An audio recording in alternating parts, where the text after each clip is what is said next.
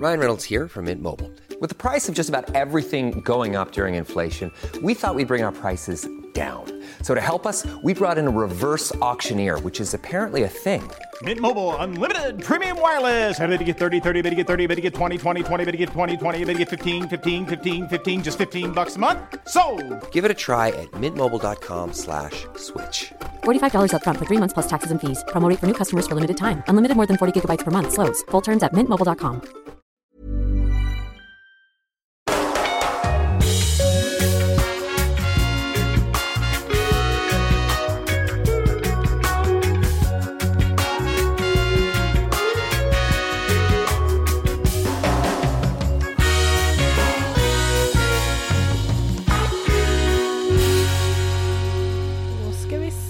hur man gör det här. Det här har man ju nästan glömt. Nu är allt typ som vanligt och vi säger hej och välkomna till den damallsvenska podden. Jag är inte längre på semester ute på vägarna på dåliga telefonlinjer eller instängd i någon källare. Nu sitter vi här i studion igen, jag och Makoto Asahara. Makoto, hur är läget?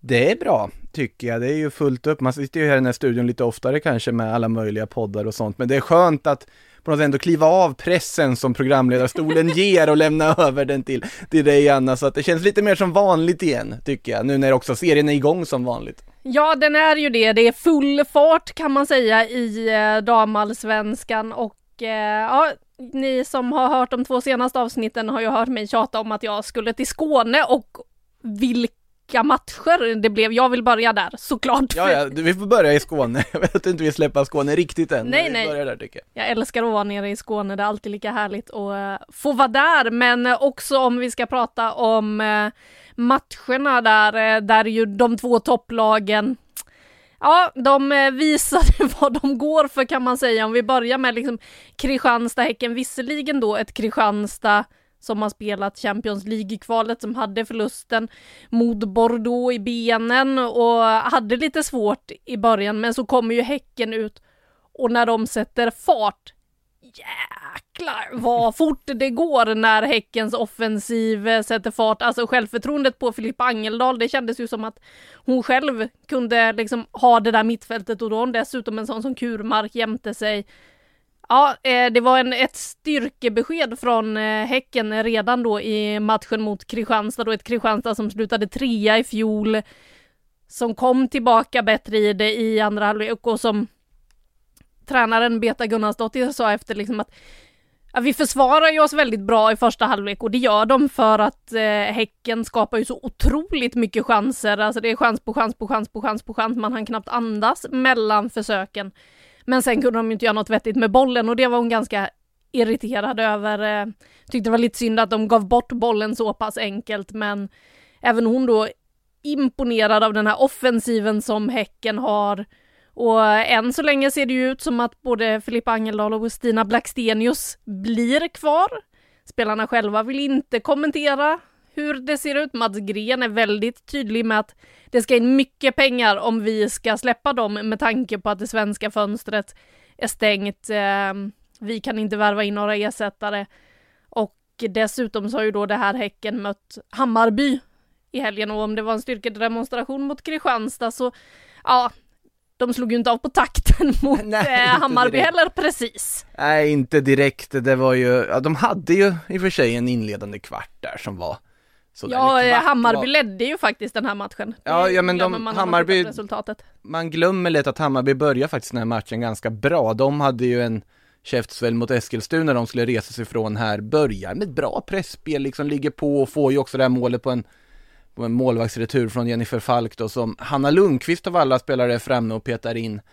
Eh, och då kändes det, man, nu, nu kanske Hammarby får den här vändningen de behöver. Nu var ju Häcken skyhöga favoriter inför den här matchen såklart. Och det motsvarar de ju sen också. Kvitteringen dröjer ju inte jättelänge. Dilja Sommer som trots alla nyförvärv som har gjorts under sommaren fortfarande går in och levererar på samma sätt de gjorde under våren. Eh, säsongens fynd måste man ju säga sett till liksom vad man förväntar sig av henne när hon kom in och hur det gick till liksom och hur hon har levererat. Och sen så var det ju bara, ja det var ju enkelriktad trafik mot Hammarby-målet mer eller mindre. Såklart Hammarby dök upp då och då och hade lite möjligheter och gör ju en spelmässigt bättre insats än vad de kanske gjorde mot Eskilstuna. Men Häcken är för bra, det går för snabbt och ja, Filippa Kurmark, två mål av alla spelare dessutom. Hon hade ju ganska, det var en passande matchbild för henne också, ganska mycket fysiskt spel och många tuffa dueller och då då frodas ju en spelare som Filippa Kurmark. Då funkar det att hålla sig framme på andra bollarna och slå in dem och få göra sina två första mål eh, för säsongen. Ja, precis. Och sen Mille Gail Jensen, nyförvärv, chansen från start också. Imponerad tycker jag också med att stå på rätt plats vid rätt tillfälle och peta in två mål hon med. Så att det vart ju en stor seger för Häcken som bara fortsätter att hålla, eller försöka hålla jämna steg med ett Rosengård som ju du kommer in på sen, som inte heller direkt har slagit av på takten under sommaren.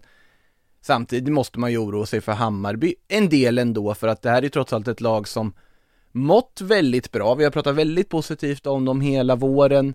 Det har inte varit så mycket motgångar. Jag visst, de förlorade mot, liksom, eller hade problem mot Rosengård och Häcken i början av säsongen där, men samtidigt det såg ändå spelmässigt relativt bra ut. De är nykomlingar, de har ingen press. Sen har ju de börjat puttra igång, de tar segrarna när de möter ett mittenlag på hemmaplan förväntar man sig nästan ska bli en seger för Hammarby. Och där är de ju inte riktigt nu efter sommaruppehållet. Eskilstuna-förlusten, stor förlust mot Häcken som det blev. Det är ju ett lite annorlunda och nytt läge för dem, för nu plötsligt så blir det lite press. Nu plötsligt är det inte lika liksom maskinellt fungerande och i den här matchen var dessutom Madeleine Janogy och Hanna Folkesson ska ju nämnas också tillbaka i laget. Och det är ju väl två extremt viktiga spelare för dem. Nu saknas ju Hjelm fortfarande och van Hjelm som också är viktig, men likväl, det är det, vill sig inte riktigt för dem just nu och det gäller att de måste sluta tillbaka från det här snabbt om man ska hålla någon form av liv i förhoppningen att faktiskt kunna kämpa med Champions League-plats som på något sätt är en målsättning som nästan utkristalliserats under säsongens gång. För tidigare var det bara etablera sig, det är liksom nykomlingar, det måste vara det primära att etablera sig i allsvenskan. Sen har man ju ändå på något sätt lyft förväntningarna också med liksom Torvaldsdottir som kommer in i slutet av fönstret. där Det är ganska tydligt att ja, men det här är en klubb som satsar. Nu ska vi gå för när vi ligger där vi ligger. Då måste man komma ur den här, ja, liksom formdippen som man nu har fått ändå. Och det blir ju en intressant match där direkt för Hammarby för att ta sig ur den. Man ska ner på Kristianstads eh, hybridgräs och mm. möta då Kristianstad som också är med i den här fighten om Champions League-platsen, om den där tredjeplatsen. Bägge lagen har lika många poäng, bägge lagen har eh, ett eh, kanske lite då sårat självförtroende efter att ha mött ett Häcken som ju verkligen eh, imponerat eh, efter OS. Eh, Mats Gren inför var lite så att ja, ah, nej, men spelarna som kommer tillbaka, de är ju mentalt lite trötta, de har varit ute på ett äventyr liksom. Kanske inte så fysiskt trötta, även om de då har två spelare som faktiskt fick ett väldigt stort förtroende under eh, det här OS i form av då Filippa Angeldal och Stina Blackstenius eh, med, och att man måste matcha klokt de närmaste veckorna. Nu väntar ju också Champions League-kval mot Vålerengen här i veckan som kommer, är första mötet eh, innan man sen då ska in och åka till Piteå. På så sätt så är det väl då Rosengård som har dragit lite vinstlotten i det här med resandet och eh, så som också då ska in i sitt Champions League-kval. Men för Häckens del, saker som väldigt positiva då så här långt, det är ju att som du var inne på, Mille Gail Jensen har fått göra mål, fick starta den här matchen mot Hammarby. Stine Larsen har också mm. gjort mål, båda de danska nyförvärven. Julia Sigiotti tillbaka efter sin knäskada. Nu är det väl viktigt att eh, de verkligen känner efter där men så att hon inte belastas för hårt och åker på något nytt. För det är ju så att hon missade Champions League-spelet i vintras när hon var tvungen att operera och sen så fick hon ju en skada här precis innan sommaruppehållet, eh, precis innan landslagssamlingen där inför OS och så här och eh, det är ju oerhört tråkigt. Sen så är hon ju nu tillbaka. Man har förstärkt i backlinjen i form av Julia Karlenäs eh, som... Just det, som mittback. Ska spela mittback i det här Häcken. Det är så Mats Gren ser henne. De var ju inne på att Bea Kolmats, tidigare lagkapten mittbacken, skulle komma tillbaka efter sin knäskada. Det ska hon ju såklart fortfarande, men hon är inte tillbaka än. Hon är på väg tillbaka fortfarande. Man hade ju hoppats att hon skulle vara spelredo lite tidigare. Känner att man är lite tunna där, där man då har Emma Kullberg och eh, Gevits i, eh, som är mittlås just nu, så att därför valde man att förstärka upp med Julia Karlenäs. Det är ju ingen dålig inget dåligt nyförvärv, men hon ska då skolas om som mittback. Det blir eh, intressant hur hon spelade ju det i de här träningsmatcherna inför. Eh, de såg jag tyvärr på ganska knackiga streamar så jag fick liksom inget riktigt sammanhang i det men det är klart, hon är ju en defensivt lagd mittfältare. Nu kommer hon väl då bli en offensivt lagd mittback istället. Så vi får väl se när hon får speltid och kommer in i det här Häcken, för de går ju in i tuffa veckor nu med Champions League-kvalet. Man vill verkligen ta sig in i gruppen och sådär, så att ja. Alltså jag måste säga ändå att när du värvar en spelare av Julia Karlernäs, alltså beprövade kaliber, som, ja, må så vara att det är just i Piteå och hon har levererat och kanske inte i någon annan klubb i damallsvenskan för hon inte haft möjlighet att göra det än riktigt. Så är ändå liksom skola om henne till mittback, ja absolut, du behöver ju ha truppbredden, du behöver bredd på alla positioner, men jag kan tycka att det är lite, lite Alltså slöseri av kvalitet att liksom flytta på en sån spelare som är så pass bra som hon är som mittfältare. Sen är det väl det om något en indikator på att faktiskt Filippa Angeldal och Filippa Kurmark och så vidare inte ska röra sig i det här sommarfönstret. Annars hade ju Karlernäs varit en helt naturlig ersättare att bara plocka in rakt in på det tremannamittfältet. Men om de ska skola om henne till en mittback när hon kommer nu, det är ganska tydligt att ja, men då kommer inte någon på det där innermittfältet att röra på sig just nu. I alla fall så jag skulle vilja tolka det med en dag kvar av det internationella transferfönstret. Känns också som att någonting skulle ha skett, någonting skulle ha dykt upp i det här läget om om det skulle hända någonting. Det är väl om någon klubb plötsligt får för sig att just det, vi behöver ju en mittfältare eller just det, vi behöver en forward. Nu är det ju säkert så att i till exempel Stina Blackstenius fall som anfallare, då är det ju otroligt mycket lag som är otroligt intresserade efter hennes OS. Men också, Häcken har någonting bra på gång. Du har en ganska ska inte kalla det öppen gata in i Champions League-gruppspelet, det är lite oschysst mot Vålerenga, men samtidigt ett överkomligt motstånd. Det får man ändå säga att Rosengård har fått i Hoffenheim, också till viss del, även om det är tuffare motstånd. Varför inte ta chansen och spela i det liksom första Champions League-gruppspelet för det första svenska laget som får spela ett Champions League-gruppspel i och med att det är det första av sitt slag. Så jag kan förstå varför spelarna ändå håller sig kvar, över liksom hösten och sen efter det kanske när kontrakt, kontrakten har gått ut, man blickar mot annat då istället. För det kommer finnas anbud även, även i vinter för spelare av den kalibern. Ja, och fortsätter Stina Blackstenius ösa in mål eh, i damallsvenskan så som hon gjort hittills, så som hon gjorde i OS och kanske då också i ett eh, Champions League-gruppspel, ja då kommer hon vara högvilt även i vinter för de stora klubbarna. För det är klart att alla vill ha in en målskytt som gör i mål på i princip allting och det är så härligt. Vi har varit inne på det i podden flera gånger under den här säsongen, men att se Stina Blackstenius den här säsongen, inte bara på planen men också vid sidan om, hur grundad hon känns, hur lugn hon känns. Självförtroendet bara strålar, hon behöver inte ens säga någonting. Så känner man att okej, okay, här har vi en spelare som verkligen vet vad hon kan, vet vad hon vill och vet vad hon är här för att göra. Och eh, det såg man ju inte riktigt förra säsongen på samma sätt när hon då hade haft en, eh, hade lite skadeproblem, bytte från Linköping till Göteborg, skulle landa in i det där, inte fick allting att stämma, inte fick alla målen att sitta. Nu har hon den här säsongen i benen och är redo för ett nytt Europaäventyr. Eh, det blir spännande att se henne där, men tills dess så eh, är jag väldigt glad att vi får se henne och eh, även då Filippa Angeldal i damallsvenskan, för det de har visat upp de här två matcherna är otroligt imponerande de är ju lite för bra för den här serien, så är det ju. Alltså, ja, ja det, det där, alltså statistiken på Blackstenius talar sitt tydliga språk liksom, att hon leder skytteligan, hon leder assistligan, alltså det, det, det ska till väldigt bra fotbollsspelare för att kunna leda båda de kolumnerna. Och också liksom, det här är inte, hon är inte bara nyttig på att hon gör poäng och gör liksom assist eller mål.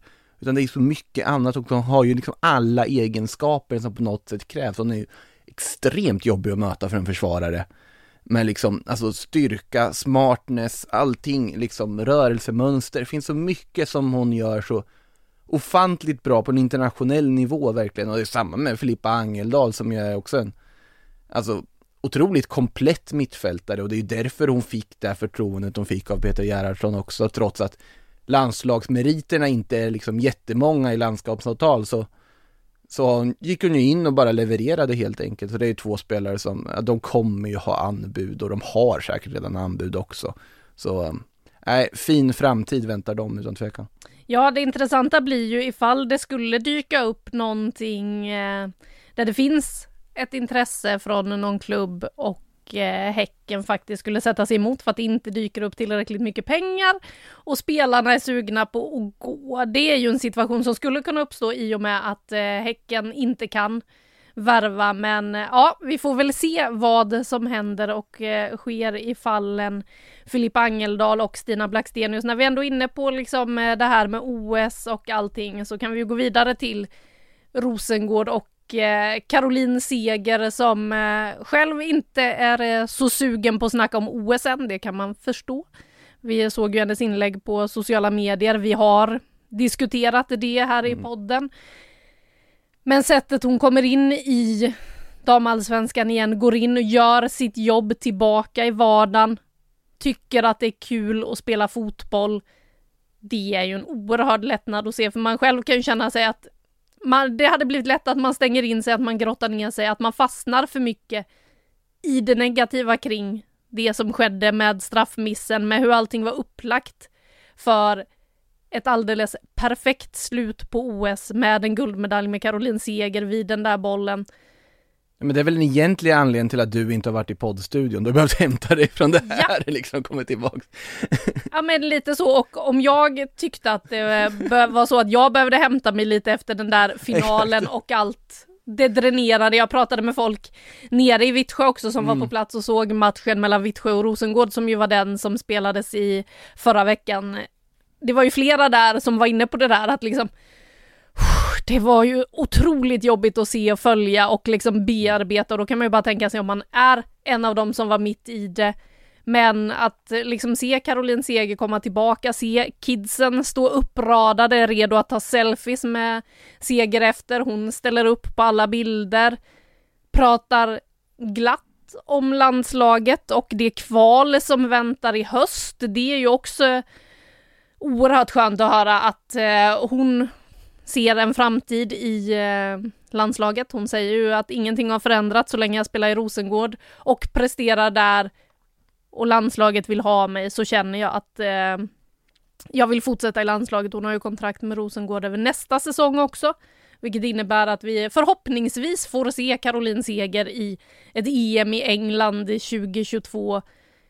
Hon imponerar ju på sin eh, sportchef Therese Sjögran. Även om Sjögran var väldigt så att jag vet ju att hon är ett superproffs. Jag hade inte väntat mig något annat än att hon ska komma tillbaka och leverera på det här eh, sättet att styra tempot i vårt spel tillsammans med Jelena Cankovic som de ju gör på det där mittfältet. Och eh, i Rosengård var man nästan lite chockade, inte bara då över Caroline Seger utan över hur lätt det gick i Vittsjö. Ja, alltså, Det ska vara en tuff bortamatch, det säger alla. Olivia Skog var inne på att liksom där, jag har nog, jag kanske har vunnit här en gång sa hon i intervjun inför. Man vet att det här är en jobbig bortamatch. Det hade dessutom regnat i princip hela dagen. Det kom ett skyfall under uppvärmningen och man bara kände att okej, det här kommer bli grisigt, det här kommer bli jobbigt.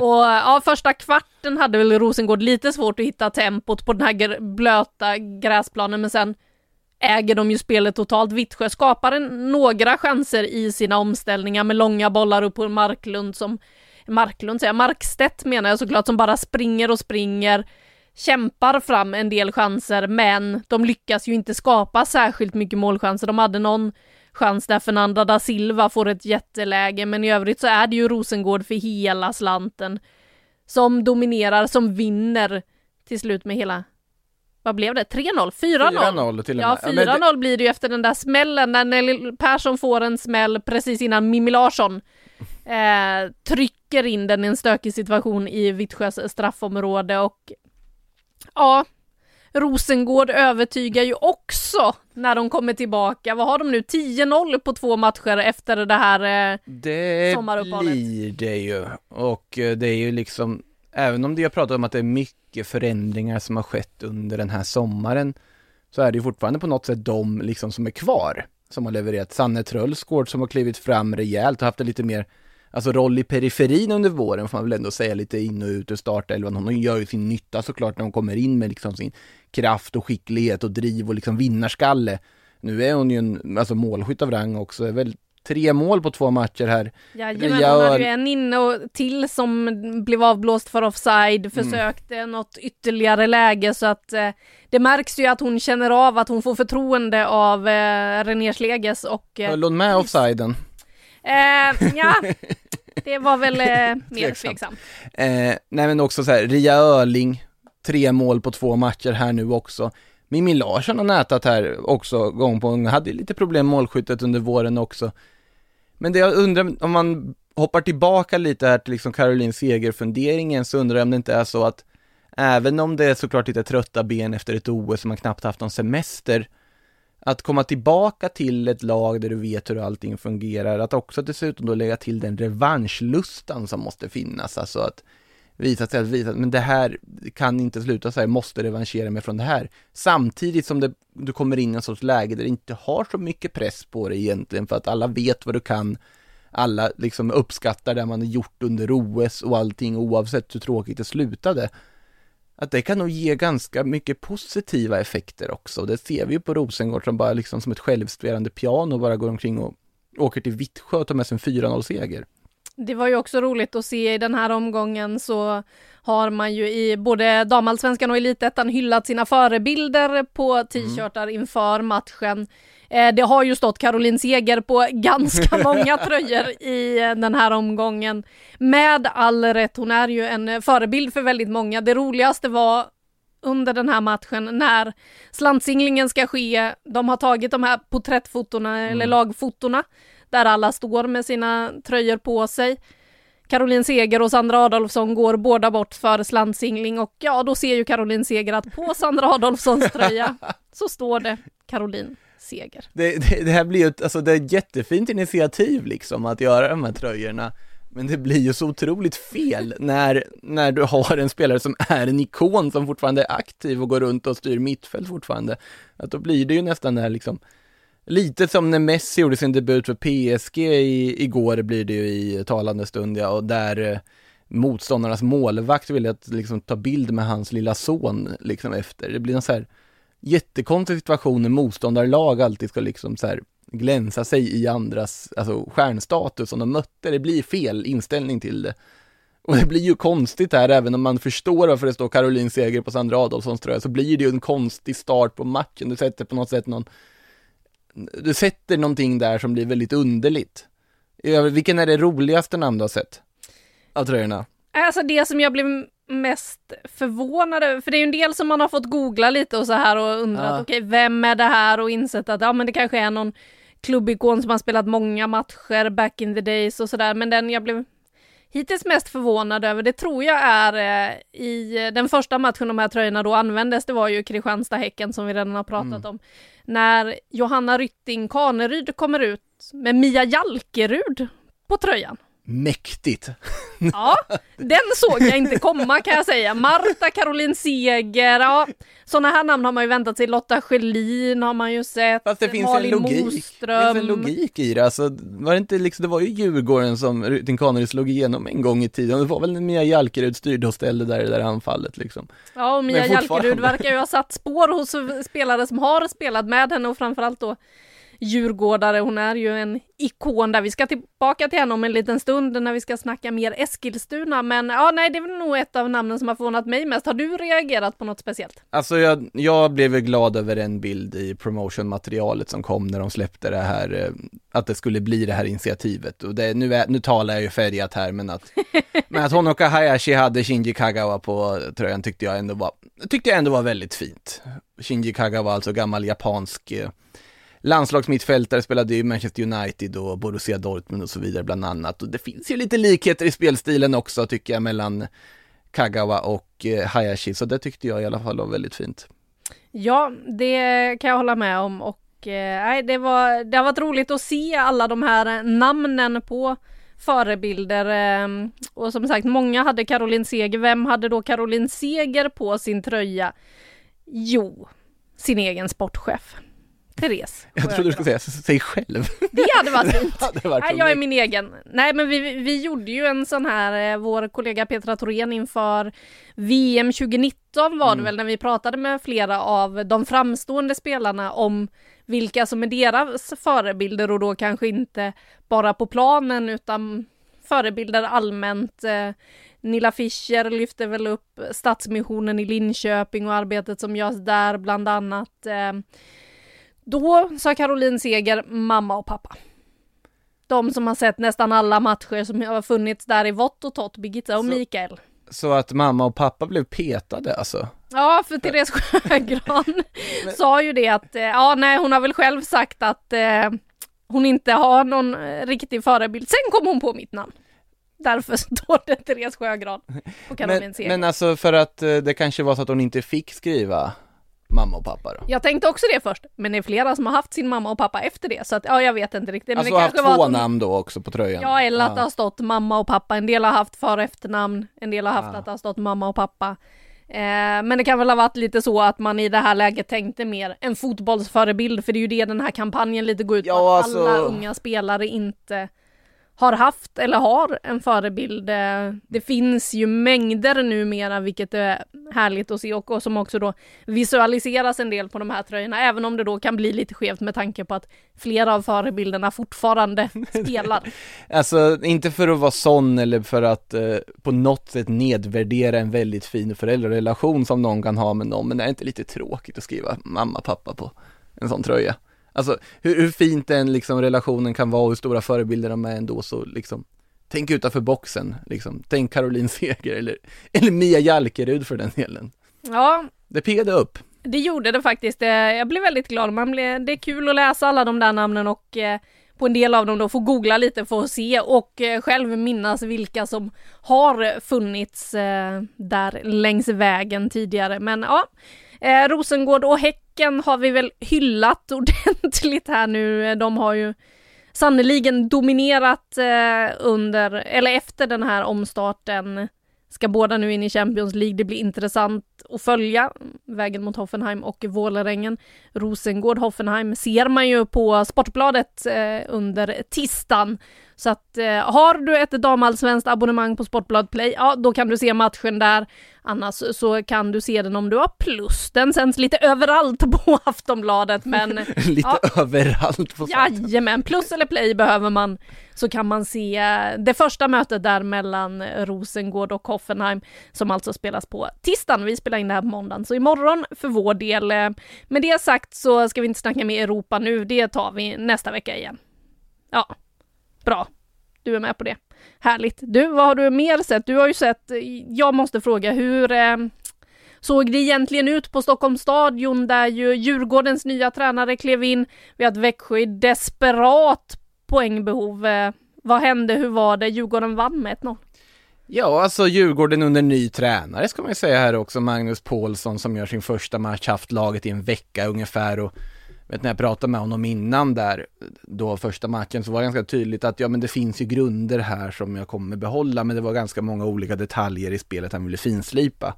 Alltså att den här 5-3-2an vi har pratat om här tidigare, den var ju intakt. Måste vara att det var lite förändringar i laget, men det var ju också baserat på att Fanny Long saknades. Och då var det Julia Valentovic som fick kliva in i sin första match från starten den här säsongen och startat tidigare säsong, Djurgårds trotjänare. Eh, och sen då så var det ju Sara Olai som vi också hyllat tidigare i den här podden som klev ut som vänsterback och det jag kan konstatera till att börja med att Sara Olai som inverterad wingback, det funkar också. Hon kan bryta in, hon kan skapa oreda i försvar och hon gör det väldigt bra även om hon spelar på motsatt kant.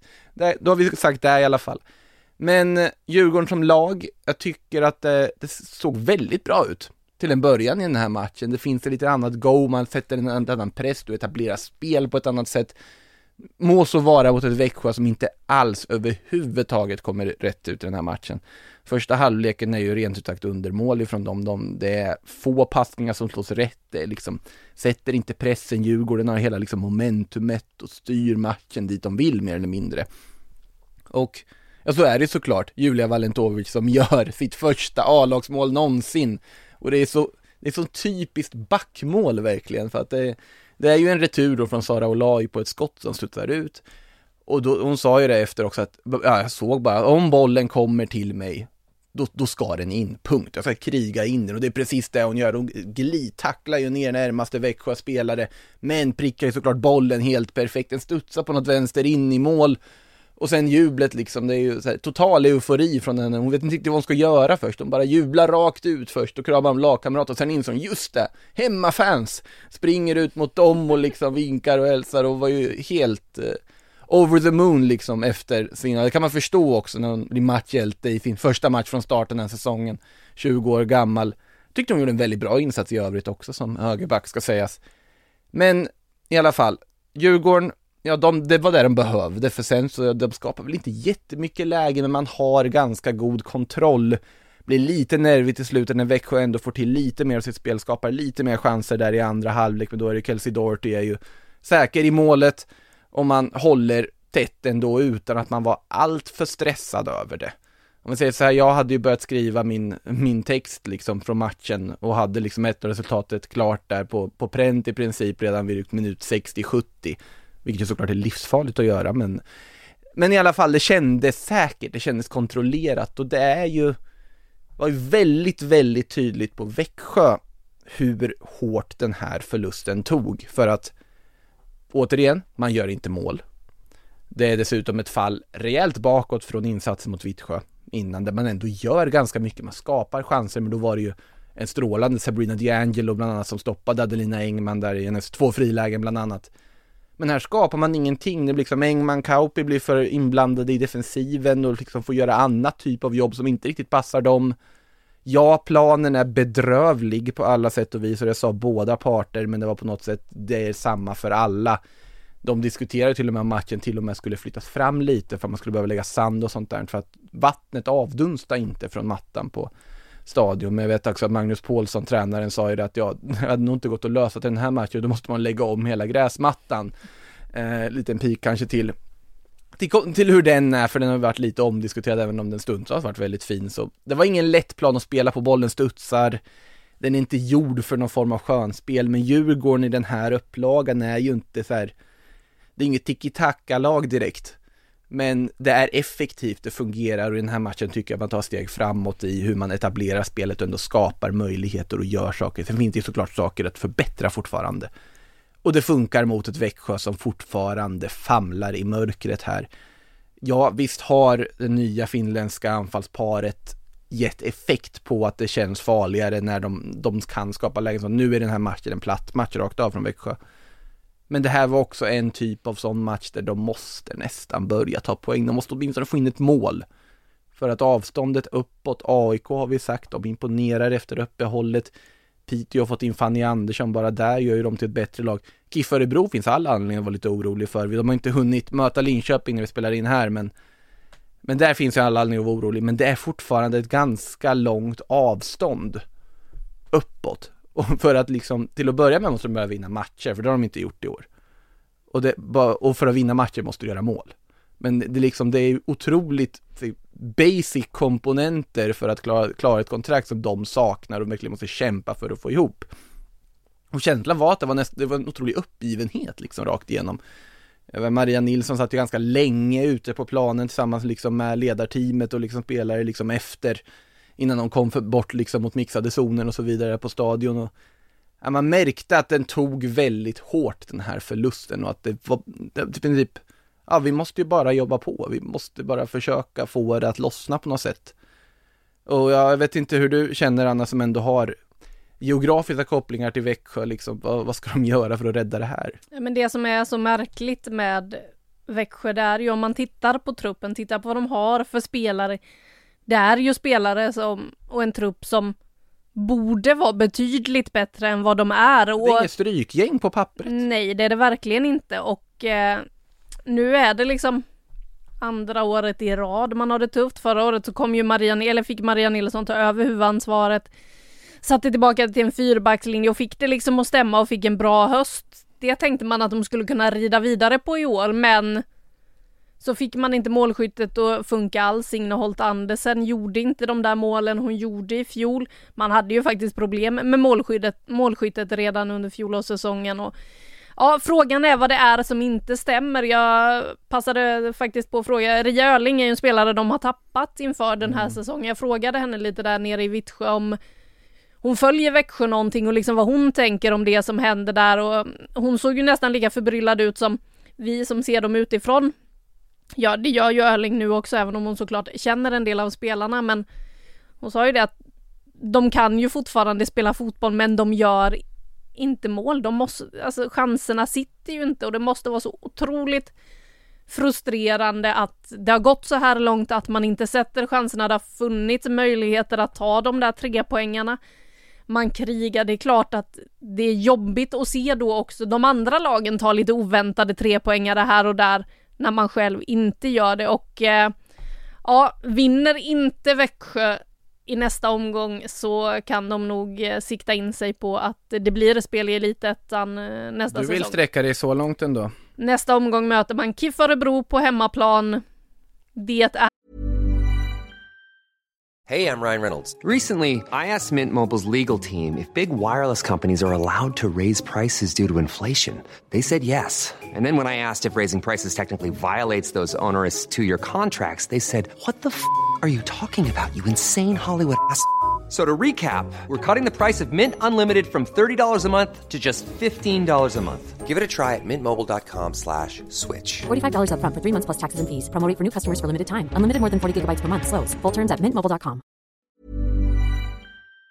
Är en måste-match för Växjö. Det stämmer ju, utan tvekan. Och sen det som är konstigt tycker jag också att Alltså det finns ju en grundstruktur. Det här är inte ett lag som på något sätt har liksom kollapsat likt vi sett typ KIF Örebro göra stundtals, även om de har extremt höga höjder samtidigt.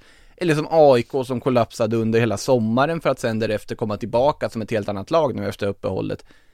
De här kollapserna sker aldrig hos Växjö på samma sätt, utan de defensiven sitter, de har ett alltså, duktigt mittfält med, med väldigt nyttiga spelartyper i Allanen och Jonsson Har och så vidare som gör mycket nytta, gör mycket bra saker med bollen när de får den. Men det vill sig inte för att de kan inte göra mål och det, det är så många uddamålsförluster, det är så många liksom 0-1, 0-2 där, där man så här, i vissa tillfällen kanske har fått med sig något, eller 0-0 resultat för den delen. Det är ju liksom tre av de fyra kryssen de samlat ihop är väl 0-0 resultat. Och det är helt, det är fascinerande att man kan gå så här långt i en serie och bara gjort tre mål. Det, det, det är otroligt fascinerande och det är ju det måste vara otroligt jobbigt att liksom försöka lista ut vad det är man ska göra för att förändra det, för nu har de, de har gjort saker i sommar. Och, och så får man två stycken nya målnollor framåt direkt efter sommaruppehållet. Nej. Eh, det blir ju ett slag i ansiktet och det är ju så att Växjö, de här uddamålsförlusterna har kommit mot lag som Kristianstad, det har kommit mot Rosengård, även om den enda storförlusten hittills också kom mot Rosengård när man eh, förlorade med 5-0 precis innan sommaruppehållet där i bort på bortaplan mot Rosengård. Men har inte det till i år typ att få en sån torsk mot Rosengård? Alla får väl det? Eh, lite så. Det är ju de där två lagen som är dominanta i form av Rosengård och eh, Häcken. Förra året var det ju faktiskt så att det bara i princip var Rosengård som vann med de stora siffrorna medan dåvarande Göteborg puttrade på med sina ett och mm. tvåmålssegrar och till slut vann serien. Nu är ju även Häcken så att de vinner med de här stora siffrorna ibland så att eh, ja, Nej, det är klart att det måste vara jobbigt för Växjö att försöka lista ut vad ska vi göra annorlunda? Hur ska vi få bort det här? Sitter det i väggarna? Var får man, varför får man inte det att funka? Ja, vi får väl se vad som händer där de senaste omgångarna och apropå att KIF Örebro nu blir det liksom en eh, måste-match för Växjö. Då ska vi veta att senast Växjö mötte dem, ja då hade de mött Hammarby och fått storstryk i omgången innan.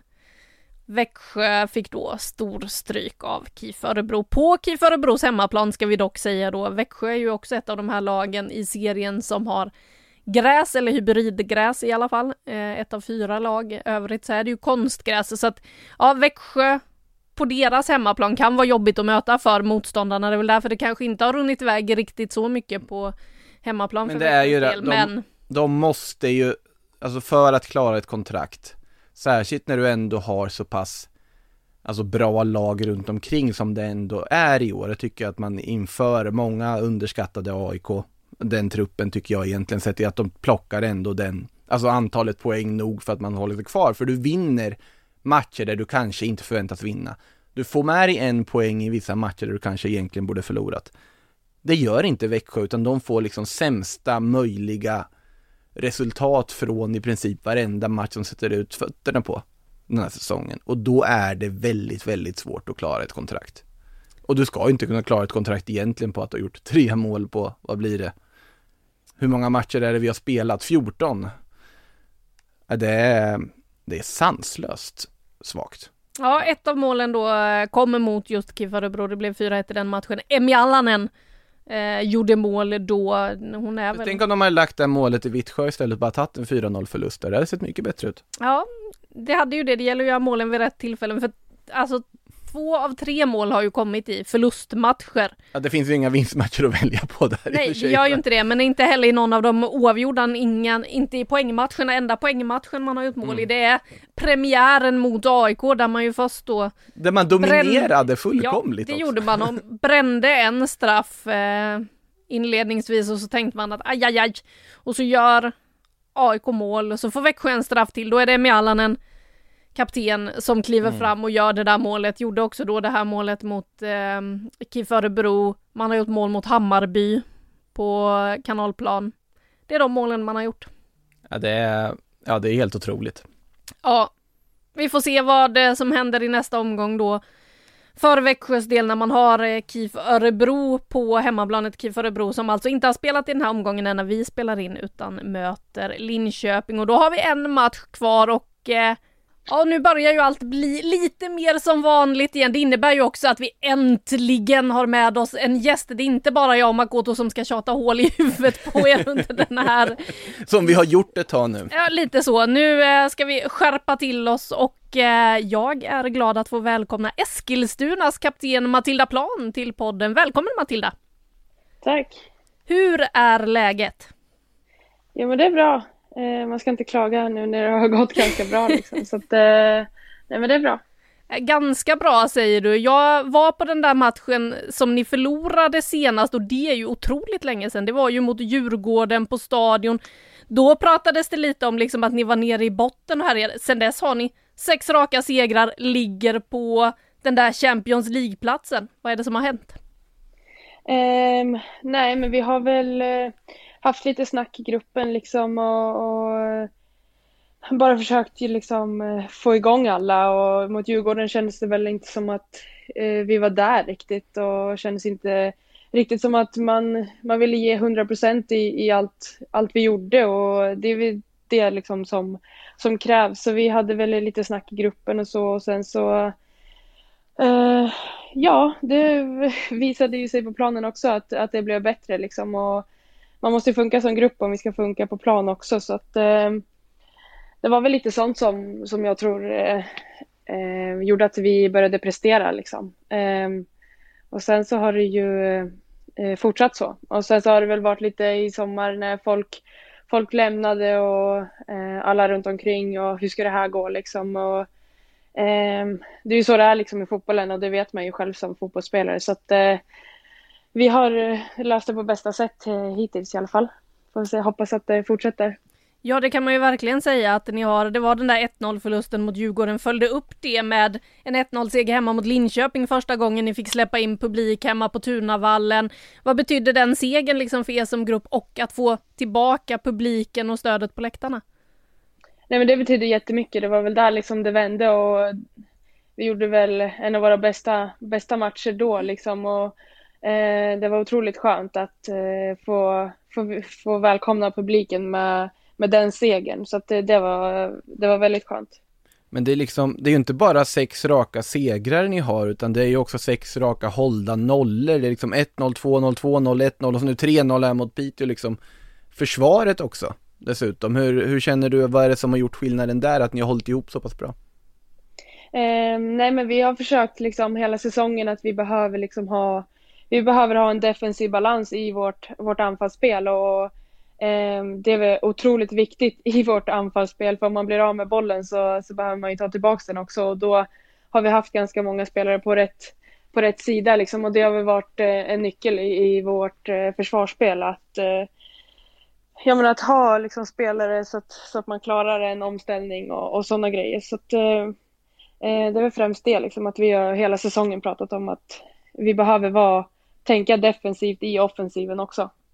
Det har ju pratats massa som du nämnde där om spelarna som försvunnit i sommar och vi har suttit här och varit lite oroliga, bevisligen i alla fall hittills utan anledning varit oroliga. Samtidigt pratas det kanske inte lika mycket om spelare som kommit in i det här laget också och tagit för sig och tagit chansen verkligen. Jag tänker hur imponerad är du av en spelare som, jag säger Felicia Saving, vad hon har gjort den här säsongen, eller Linn Vickio som har kommit in här och klivit in och tagit en startplats, eller Norekov för den delen.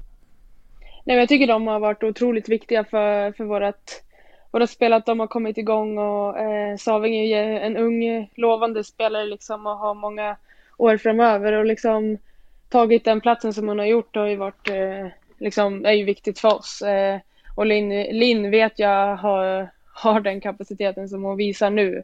Eh, för att jag har spelat med henne ganska länge så att mm det är skönt att hon har kommit igång också. Och Nora är otroligt viktig i, i vårt defensivt och hon backar aldrig undan liksom. Så att eh, de är väldigt viktiga allihopa liksom. Och det är kul att så unga spelare tar för sig så mycket som de gör. Ja, vi var ju lite oroliga där när man bara ser namnen som försvinner ut och så där ur laget. Ni förstärkte då med Mia Jalkerud som onekligen har gjort poäng hittills och ja. fått en bra start på sin tid i Eskilstuna. Men hur är det i gruppen liksom när det där sker under ett sommaruppehåll att man tappar en eh, hel del startspelare ändå?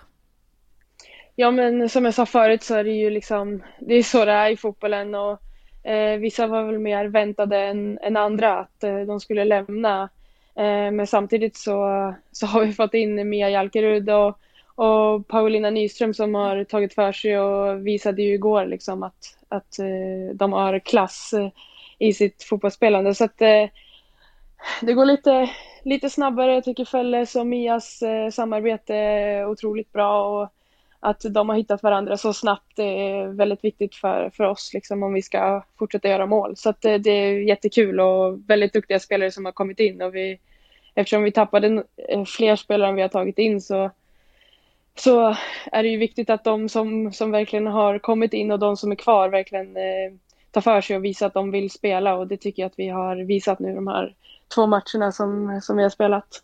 Du sa vissa blir man mer förvånad över att de lämnar än andra. Vem blev du mest förvånad över att de försvann i somras? Eh, ja, det måste väl vara Amanda och, och Emma tror jag. Mm. Eh, de andra hade man, hade man lite väntat sig att de, att de skulle. Fanny flyttade efter sin pojkvän och det visste man ju eh, att det, det, kunde hända liksom och Lorre har velat, velat utomlands och gå vidare, ta sitt nästa steg och, och så. Och sen så hamnade hon i, i Rosengård så att det var inte heller en, en stor chock och Colin behövde speltid så att eh, eh, de var ganska väntade faktiskt. Du, apropå Fanny Andersson där i intervjun inför så sa du att hon skulle få smaka på, ja vad skulle hon få smaka på egentligen? Och hur var det att möta henne igen? Eh, nej men det var spe speciellt som jag sa liksom igår i intervjun och sen så skulle jag skämta lite. Hon stod ju där bakom kameran så att eh, hon, eh, hon stod och skrattade lite när jag sa det där. Så att, eh, nej men hon fick smaka på saker, det fick hon. Hon fick nog, ville att hon skulle ångra sitt val att hon lämnade och det fick hon nog göra. Ja, ni tog ju ännu en stabil seger, 3-0 som du var inne på. Mia Jalkerud och Paulina Nyström gör båda mål, Felicia Rogic också målskytt igen.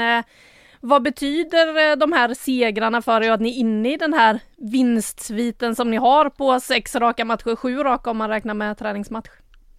Eh, nej men det betyder jättemycket att, eh, ja men framförallt att vi som är kvar liksom visar att eh, de här som lämnade, det ska inte spela någon roll liksom utan vi, vi måste ta vårt, vårt ansvar, vi som är kvar och de som har kommit in liksom och visa att eh, vi vill liksom vara där uppe och ska man vara där uppe så måste man göra ett jäkla jobb och det har vi verkligen visat de här två, två matcherna som har varit så det har betytt jättemycket för, för gruppen och för, för publiken också tror jag. Ni har inte bara gått upp på Champions League-platsen, ni har gjort ett ryck där också och liksom lämnat kvar Hammarby och Kristianstad en ganska bra bit ifrån nu, fyra poängs skillnad i skrivande eller talande stund här i tabellen liksom.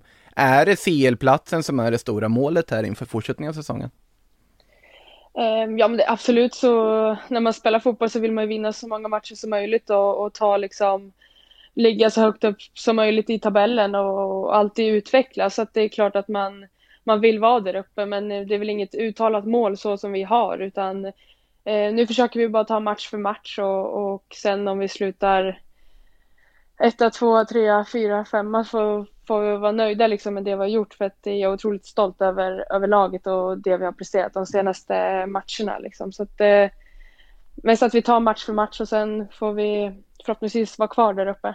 Det är ju vad det verkar sista hösten med Munken också eftersom han ska till Norrköping och bli klubbdirektör där. Är det någon övertalningskampanj från truppen nu och se till att han river det där avtalet med Norrköping och stannar kvar med tanke på hur bra det går? Um, ja, det kan man ju. Nej, men jag gillar Munken och um, tycker att han är jätteduktig tränare och um, liksom bra att ha i laget och det han har gjort för, för liksom föreningen och allting. Så att, uh, jag tycker att det är jättetråkigt att han, att han inte ska vara kvar. Men uh, han har varit här några år så att det kanske kommer in någon ny som gör det, gör det lika bra. Liksom. Så att, uh, ja, det är klart att man vill att han ska, ska vara kvar. Nu har vi åtta omgångar kvar. Vad ser du framför dig den här hösten när du blickar eh, på den som kapten för det här Eskilstuna? Nej, men jag vill att vi fortsätter liksom eh, försöka spela det, det spelet som, som vi har jobbat på hela säsongen och eh, göra fler mål eh, och eh, hålla, fortsätta hålla tätt bakåt. Det, det är otroligt viktigt att eh, hålla nollan, i, i, nästan viktigare att hålla nollan i alla matcher och sen så behöver man inte göra lika många mål då. Eh, så att eh, jag hoppas på att vi fortsätter på det här spåret och det kommer krävas ett jäkla jobb och det hoppas jag att vi fortsätter göra liksom. Det kommer inte komma gratis. Har du med dig hela laget på det här eller är det du som mittback som vill trycka på att det är viktigare att hålla nollan än att göra mål? Ja, vi tänker nog lite olika där, eh, forwards och backlinje. Men jag är faktiskt eh, gammal forward så att eh, det är väl klart att vi vill göra mål men eh, om man gör ett mål så räcker det med att man håller nollan liksom och då behöver man inte göra fler mål. Apropå just det där med forwards kontra backar också, vi har ju nämnt att Jalkerud kommer in här, men jag märkte det i, det var väl matchen mot Hammarby, hon går ju direkt in efter en kvart liksom, manar på och pushar liksom du som lagkapten där, hur är det när det kommer in en annan spelare som ändå har liksom ledaregenskaper på så sätt? Är det att man liksom får hjälp, hjälp med sig i det också, eller hur funkar det där? Ja, men det är otroligt skönt tycker jag. Jag mm. försöker alltid liksom inför varje match och träning att jag vill liksom att alla ska ta ansvar. Det är inte bara mitt ansvar. Utan om alla hjälps åt och så blir det mycket bättre. Eh, så jag tycker bara att det är, det är skönt liksom. Och eh, jag gillar att hon tar för sig. Hon har gjort det sen, sen första träningen hon kom liksom. Så det, det är otroligt skönt för, för både mig och eh, gruppen liksom. Att man får hjälp med att få igång alla. Så det är bara positivt. Nästa utmaning eh, så är det naturgräs i Vittsjö som väntar. Eh, hur ser du på den matchen att möta ett Vittsjö som är ganska defensivt starka? Nu läckte de ju lite här mot eh, Rosengård senast men det är ju ett lag som inte har släppt in så många mål heller den här säsongen än visserligen inte heller gjort särskilt många.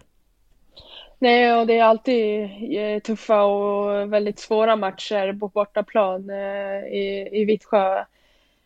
Man har väl alltid dåliga minnen därifrån tänkte jag säga. Jag tror inte jag har vunnit där borta någon gång. Så att förhoppningsvis blir det väl första, första segern där borta. Men det är alltid tuffa, men de är ju otroligt tuffa liksom och stora stora och långa spelare där så att eh, det kommer krävas eh, eh, en kamp och tacklingar kommer det nog smällas på en, en hel del tror jag. Och Lina Nyström kanske har lite insidertips där på vad ni ska göra för att såra Vittsjö? Ja, kanske få några ur balans där så eh, kan det bli några kort kanske. Även om man kanske inte saknar liksom naturgräset i Vittsjö, hur mycket saknar du band i isen några år efter, eller ett par år efter då? Eh, ja, det var lite jobbigt i, i vintras när de eh, spelade slutspelet där, eh, Västerås. Så att, eh, klart man saknar det lite och i vinter är det ju eh, VM på, på hemmaplan och det hade man ju velat spela liksom. Men, men jag tycker att det är ganska skönt att fokusera helt på fotbollen och jag tycker att jag har utvecklats eh, ganska mycket sen jag, sen jag slutade med bandyn och verkligen haft 100% fokus på fotbollen. Och, jag har ju aldrig gjort en försäsong i hela mitt liv så det var väl på tiden. det är inte så att du har mm. ångrat ditt val någon gång här? Eh, nej, faktiskt inte. Eh, det är otroligt skönt för min, för min kropp att bara fokusera på en idrott. Matilda, vi är också väldigt glada att du valde fotbollen så vi får se dig i damallsvenskan och vi tackar så hemskt mycket för att du hade tid att vara med här i damallsvenska podden en sväng. Tack så mycket. Tusen tack och lycka till i höst. Tack så jättemycket. Ja, Eskilstuna och Mia Jalkerud och ja, det är imponerande vad de har gjort, att man har gått in, att man, som du var inne på här med Matilda, har fyra poäng ner nu till Kristianstad och Hammarby som ju var de två lagen man såg inför nu omstarten så här, bara, de kommer slåss om den åtråvärda Champions League-platsen. Nu är det Eskilstuna som är där och håller i den biljetten. Eh, tror du att Hammarby eller Kristianstad kommer att rycka den ifrån dem? Jag tror att det lag som inte vinner mötet mellan Kristianstad och Hammarby kan räkna med att det blir väldigt svårt att göra det. Det tror jag. Sen ska sägas Eskilstuna, alltså de kan ju inte fortsätta bara vinna och hålla nollor i varenda match här framöver. De har ju en väldigt god period just nu. Och de har väldigt mycket som fungerar på att man har ändå hittat, liksom, hittat sin melodi som gör att man tar tre poängare. Men jag har ju svårt att säga att de ska fortsätta på det inslagna vägen. Jag tror inte att jakten är över för något, varken Kristianstad eller Hammarby, men jag tror att den här matchen som kommer nu, ja, den har ju monumental vikt för att hänga på och om då Eskilstuna skulle åka på en nit i nästa omgång, ja då har man ju tagit in ett i en poäng igen vid en seger. Det tror jag är enormt viktigt att vinna den matchen. Och där, alltså det är ju hugget som stucket, det beror ju helt på hur Hammarby svarar på ja, den formrad de har haft på sista tiden. Det beror helt på hur Kristianstad reser sig från den här förlusten mot Häcken från CLU-tåget. Jag tror det finns en ganska stor revanschlusta hos dem och jag tycker ändå att de har visat tendenser att vara på väg åt rätt håll efter att ändå haft lite problem med det offensiva tycker jag under säsongen. Det tåls att sägas att Therese S. Åsland har inte nått upp i den nivån som, som hon hade under förra säsongen när hon var seriens kanske bästa spelare. Det är ju hon väl medveten om själv också med tanke på den vinnarskallen eh, som kan vara liksom sur efter att ha gjort två mål i en match och tycka att hon inte har levererat, vilket är fascinerande. Men, ja, oh, alltså Hammarby har ju goda minnen från Kristianstad. Det har de ju från den här matchen, som är en av deras absolut bästa insatser den här säsongen under den fina våren de har haft. Men det är en annan sak att åka till Kristianstad, möta dem på bortaplan, svårspelat Kristianstad IP, au. Alltså, men det är så svårt att tippa den här matchen tycker jag på förhand. Det kan gå precis hur som helst. ja, det kan det verkligen. Sen eh, så tycker jag ju att Kristianstad som ryckte upp sig rejält nu senast eh, mot Häcken ändå, även om eh, Häcken dominerar, de har ett bra försvarsspel.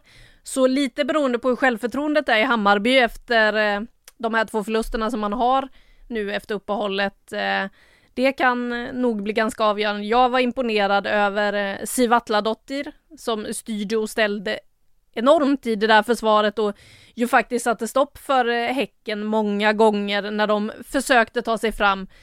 Eh, Gunnarsdottir, Beta då, tränaren i Kristianstad, hon testade sig lite fram där eh, i matchen. Vi satte ju upp en fembackslinje eller trebackslinje lite beroende på hur man ser på det.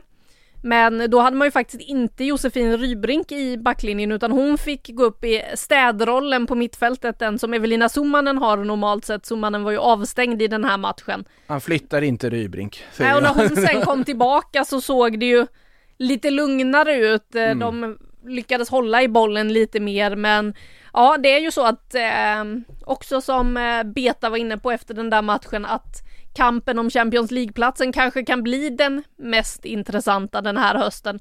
Mats Gren höll ju inte med, han tror att Rosengård kanske kommer darra lite, plus att vi då har ett toppmöte kvar där mellan just Häcken och Rosengård i Göteborg. Där ser ju då Mats Gren bara tre poäng framför ögonen efter att man förlorade matchen nere i Malmö, så att eh, ja, vi får väl se om den blir lika spännande. Just nu så är ju Eskilstuna faktiskt fyra poäng före i kampen om Champions League, men jag tror att Kristianstad är oerhört sugna på att få spela i Europa igen nu när man fick känna efter, fick känna att okej, okay, nej men vi har inte riktigt erfarenheten än. Och för att få erfarenheten, ja men då måste man spela där igen. Så att eh, då krävs det en tredje plats. Och nu har de dessutom fått lite rankningspoäng på att man besegrade Bröndby. Vilket ju, det var ju anledningen också till att man hamnar i en grupp och möter Bordeaux. Vilket ju inte är liksom det mest tacksamma att få en fransk liga trea bara, hej, lycka till och ta, ta er vidare från den mötet. Och det gör man, man står ju ändå väl upp liksom. Men det är en klassskillnad. Det här är alltså laget som kommer bakom Paris och Lyon i franska ligan och det är inte, det är inga dåliga lag vi pratar direkt om vi säger så. Um, nej, de lär vara otroligt sugna på att ge det ännu en chans. Det är ju inget att snacka om. Men ja, det är just den striden jag tror också blir intressantast, just den här Champions League-platsstriden, striden striden om tredjeplatsen. Jag tror inte att Rosengård kommer att tappa det. Det har jag sagt jättetidigt redan på den här säsongen att de kommer inte tappa det här. De kommer garanterat inte göra det efter liksom hemmamatchen mot AIK som väntar i helgen. Med all respekt till AIK och där de har gjort så, det, jag kan inte. 7-0 senast. Ja men det, det tror jag inte det blir den här gången, det ska sägas. Jag tror att AIK ändå kommer ha en helt annan approach till den här, ännu defensivare approach till den här matchen. Eh, men Eskilstuna, ja de ska inte kunna rulla vidare på samma sätt som de gör, men det gäller ju också att något av lagen hittar rätt. För Hammarbys del till exempel, vi pratar om Kristianstad-matchen, ja sen är det ju Rosengård efter det, sen är det derby mot Djurgården, derbyn vet vi kan gå precis hur som helst. Och det här Djurgården kanske har då via matchen mot Linköping och Vittsjö kommit ännu mer till sin rätt under ny tränare och så vidare så att det är ju det är tuffa matcher rakt igenom som på något sätt väntar. Ja det blir ju eh, matcher där Hammarby faktiskt måste bevisa lite. Vilket ja, blir spännande att se. Verkligen, och om en förlust mot Kristianstad nu och sen förlust mot Rosengård, då kommer det blåsa ganska rejält där känns det som. Även om man är medveten om att man är nykomlingar och så vidare så det är väldigt svårt att bara ignorera vilken vård de har gjort och då blir det ju en annan måttstock man tittar på saker och ting på. Ehm, fördel i liksom eh, striden om Champions League, om det så skulle vara att det är ganska öppet inför slutet, så har ju Eskilstuna Rosengård borta, Häcken hemma i sina två sista matcher. Eh, Hammarby och Kristianstad har ju betydligt mycket trevligare spelschema. Linköping hemma, Växjö borta för Hammarbys del, Växjö som kan vara helt av, avsågade i det här laget om de inte börjar göra mål. Och Kristianstad sitter på Växjö hemma, följt av Piteå borta.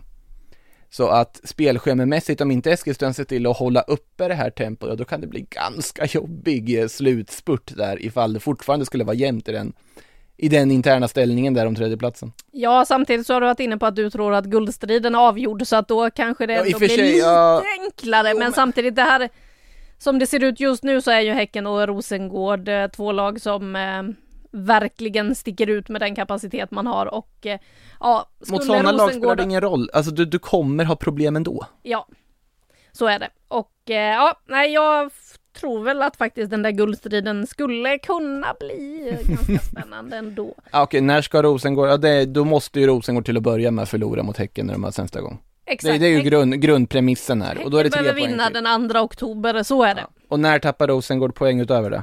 Eh, det beror helt på hur det ser ut med eh, Champions League-spel, spelare som är tillgängliga och inte. De fick ju ett tungt besked i veckan och då menar jag inte att Labé lämnar för där hade de ju redan värvat in Tigan Maika som ersättare för Stephanie Labé som är klar för eh, PSG. Utan Fiona Brown som har, fick kliva in som högerback eh, efter att det kom beskedet om att Jessica Wik väntar barn. Det var ju ett betydligt roligare besked. Mm. Ett, sätt, ett roligare sätt att tappa en spelare på den positionen. Fiona Brown, återigen en tung knäskada som gör att hon blir borta. Visst, nu gjorde Schmidt det bra här i mm, matchen mot Vittsjö, men ja, det är ju inte det man vill ha och kommer det några sådana oturliga skadebesked så kan Alltså då kan ju de här poängtappen komma precis när som helst. Man får liksom inte koppla av Samtidigt så vet jag också att Rosengård har lärt sig det från förra säsongen att mm. eh, några dåliga matcher så kan lite vad som helst hända men ja, nej, det är klart att det kan bli ett oväntat poängtapp någonstans när det finns så många matcher kvar att spela så att vi får väl se. Ja, fruktansvärt tråkiga nyheter med Fiona Brown och sen om man bortser från just den personliga delen i det att det är fruktansvärt tråkigt för henne själv så för Rosengårds del, de hade ju garanterat värvat en ytterback i det här fönstret om de hade vetat att det här skulle hända. Med tanke på att just den positionen också var ganska liksom ja, det var inte jättemycket bredd efter att Jessica Wik fick eh, liksom inte, sku, inte skulle bli tillgänglig för spel. Ja, Schmidt kommer in där absolut, men om, säg att hon skulle vara avstängd eller hon skulle få en skada, vem går in? Ja, det, Olivia Skog, högerback, det har vi sett i landslaget. Tror det är bra i och för sig, men Ja, de har ju lite spelare att jobba med, men ja, nej, i så fall så kan det bli lite stökigt, så är det ju. Ja, men de på något sätt känner jag att de löser det ändå, för de har en så bred upp och så mycket kompetens i det där laget att det jag har väldigt svårt att se poängtappet och då, nu räknar vi dessutom utifrån tecken ska gå helt rent. Det gör vi absolut. Och det är också den aspekten man alltid ska ha i åtanke att just Vad ska det... du se deras poängtapp annars då? Ja, det vet jag. Mot Rosengård i och för sig så ser jag ett poängtapp som är annalkande. Men jag ser ju samma liksom om båda lagen skulle gå helt rent förutom att Häcken vinner mot Rosengård, ja då är det ju klart för Rosengård just nu.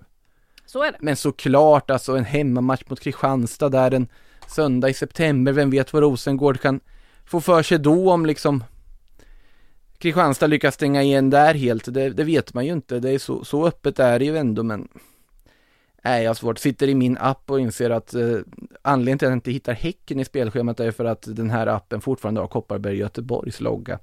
Det förklarar varför det var väldigt svårt att hitta Häcken-matcher. Undrar Ja. vilka, vilka poängtapp de skulle kunna åka på. De har ett ganska skönt schema också. Alltså nu är det ju Piteå borta har vi ju nämnt. Sen är det liksom KIF Örebro hemma, Växjö borta. Sen kommer Rosengårdsmatchen.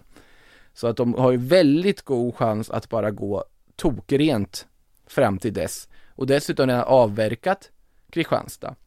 De har avverkat två matcher mot Hammarby. Så spelschememässigt såklart det ser lite bättre ut för Häcken. Som dessutom har hemmamatchen mot Rosengård. Absolut. Men alltså, de är ju så bra Rosengård. De är så bra så att det är liksom så här. utan att jag tycker de är så, så otrolig styrka rakt igenom i det de gör. Så jag har fortfarande, mitt guldtips känns säkert. Ja, det är ju två giganter vi har just nu i den här serien. Vi eh, fortsätter följa dem. Med det så har vi pratat på en hel del här. I helgen ser vi väl kanske då framförallt eh, fram emot den där matchen mellan Kristianstad och Hammarby som blir en god bit att följa på Sportbladet Play. Ni som har lyssnat så här långt vet ju att vi sänder samtliga matcher i OBOS damallsvenskan den här säsongen också. Så att eh, har du inte redan ett abonnemang, vill se mer av de här spelarna, de här lagen, då skaffar du ett abonnemang genast. Det är mitt tips, mitt råd. Eh, vill du eh, se lite höjdpunkter och annat kul, ja då kommer det ett nytt segertåget i veckan också. Där ska vi bland annat eh, titta lite på vad Johanna Rytting Kaneryd egentligen hade för sig i Kristianstad. Ja, jag lämnade så, så får man kolla på segertåget. Jag är, jag är lika nyfiken som du och jag ska ju vara med i programmet. Ja, du kommer få veta mer innan vi spelar in. Men hörni, med det oerhört härligt att vara tillbaka på riktigt eh, och dra igång den här höstsäsongen som vi ser fram emot med spänning. Eh, Vi hörs igen nästa vecka precis som vanligt.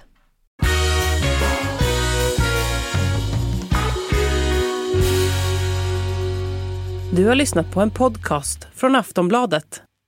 Ansvarig utgivare är Lena K Samuelsson.